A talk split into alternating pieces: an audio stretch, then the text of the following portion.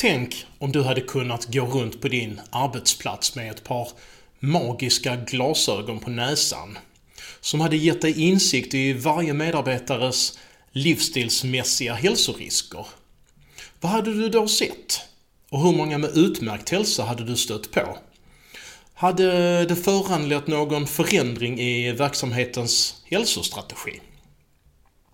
Detta pratar vi om i veckans avsnitt av Hälsa och företag, podden för livsstilshälsa i arbetslivet.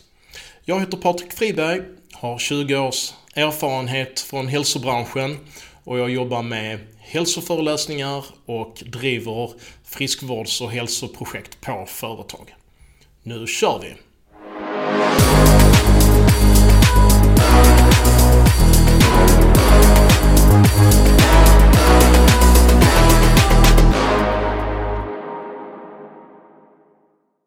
Tänk dig följande. En hälsokonsult ringer dig på morgonen när du nyss kommit till jobbet och frågar hur ni satsar på hälsa och friskvård inom din verksamhet. Det fjärde samtalet bara denna vecka från någon som jobbar med hälsa.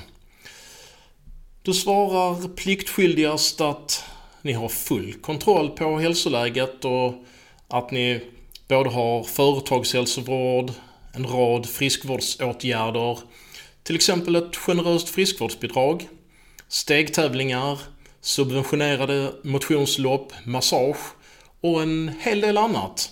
Och att ni inte är intresserade av att göra någon som helst förändring i nuläget. Hälsokonsulten ger upp. Ni lägger på och du får en stunds efterlängtad arbetsro.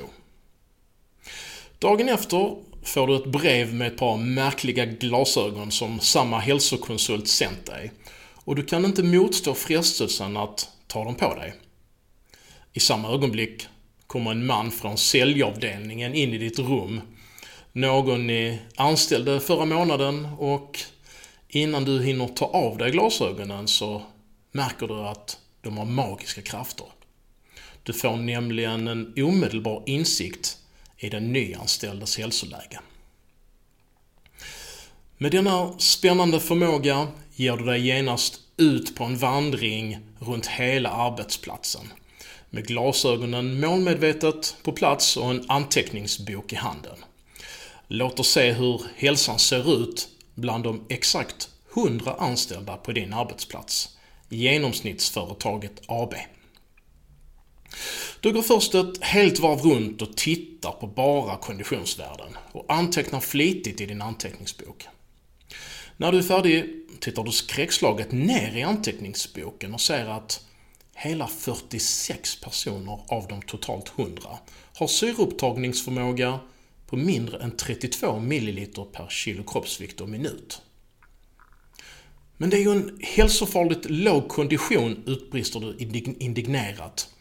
Och detta trots alla våra hälsoinsatser. Du går ett varv till och ser att 15 personer är stressade. 10 personer är oroliga att förlora jobbet. 22 personer lider av sömnsvårigheter. 50 personer har övervikt eller fetma. Du inser att det ni gör just nu på hälso och friskvårdsfronten inte räcker till för att skapa den positiva utveckling som på allvar ger långsiktigt god livsstilshälsa på arbetsplatsen. Du kallar till ett möte med ledningsgruppen. Vi måste höja ribban. Detta var ett lite tillspetsat sätt att presentera verkligheten på en genomsnittsarbetsplats i Sverige nu.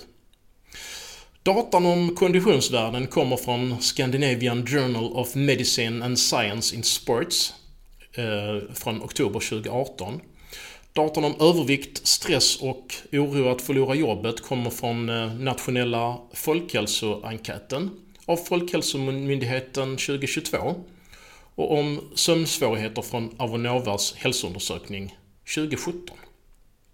Jag har själv i samband med detta avsnitt gått igenom cirka 350 av de hälso och levnadsvaneundersökningar som jag har utfört under de senaste åren och kan tillägga därifrån att 10 av 100 har ländryggsmärta ofta eller mycket ofta. 13 av 100 har smärta i övre delen av ryggen, nacken eller axlarna ofta eller mycket ofta. Och när jag har gjort en indelning i riskgrupp och friskgrupp så ligger riskgruppen i regel på mellan 50 och 80 procent av arbetsstyrkan. Jag har också tittat på hur många som har mycket god livsstilshälsa genom att gå igenom alla hälso och levnadsvaneuppföljningar som jag har gjort genom åren. Och då kan man fråga sig, hur många per hundra anställda har samtliga av följande? Tillräckligt hög fysisk aktivitet. Bra balans mellan stress och återhämtning. Riskfri alkoholkonsumtion. Goda kostvanor. Inget tobaksbruk. Goda sömnvanor. Inga magbesvär. Ingen huvudvärk. Ingen smärta i någon del av kroppen. Ett gott socialt välbefinnande. Ett gott psykologiskt välbefinnande. Trivs med sin livssituation har en bra fettprocent och har en god kondition? Svaret är en till två av hundra personer. Det är så pass ovanligt. Men det viktiga är ju förstås inte att få en sådan perfekt hälsa. Det är mycket mer angeläget att flytta medarbetare från riskgrupp till friskgrupp naturligtvis. Kan man hjälpa dem med sämst livsstilshälsa eh, till förändring så är mycket vunnet. Och eftersom det finns så oerhört stor förbättringspotential avseende livsstilshälsa hos personalen i verksamheter som gör allt det traditionella inom företagshälsa och friskvård. Så kanske det kan vara en god idé att börja titta på det nya och otraditionella. Exempel på sådant kan vara att börja med långtgående individualisering. Människor har ju så olika förutsättningar, behov och intressen att varje försök till one size fits all är dömd till att på sin höjd nå begränsad framgång. Kanske kan man tänka på värde och identitetsorientering. Kan du hjälpa medarbetare att koppla hälsobeteende till identitet istället för mål så blir det mer hållbart. Tillsammans med en coach kan man modifiera livsstilen förstås, men man kan också koppla livsstilen till identitetsutveckling. Jobba med vanebildning. Att etablera långsiktigt goda hälsovanor förutsätter att man är förtrogen med mekanismerna bakom vanorna. Man kan använda design av fysisk miljö tillsammans med subvention och friktion för att påverka aktivitetsmönster och kostvanor på arbetsplatsen. Och min personliga uppfattning är att man inte ska nöja sig med sina sammanlagda hälso och friskvårdssatsningar om man inte varje halvår ser åtminstone en 10% reduktion av riskgruppen. Jag har själv drivit projekt där riskgruppen har reducerats från 75% av de anställda till 25% på ett halvår. Men det vanliga är en, eh, ungefär en halvering av riskgruppen första året. Jag hoppas att jag med detta lite annorlunda avsnitt har lyckats belysa hur stort behovet är av livsstilsförbättring på svenska arbetsplatser. Och att ett normalutbud av företagshälsa och friskvård generellt sett är otillräckligt för att lösa de brister i livsstil som vi ser i Sverige. Vill ni ha ett par magiska glasögon på posten? Hör då av er. Jag finns på patrikfriberg.se Patrik med bara C. Glöm inte att dela avsnittet med dina kollegor, är du jättesnäll.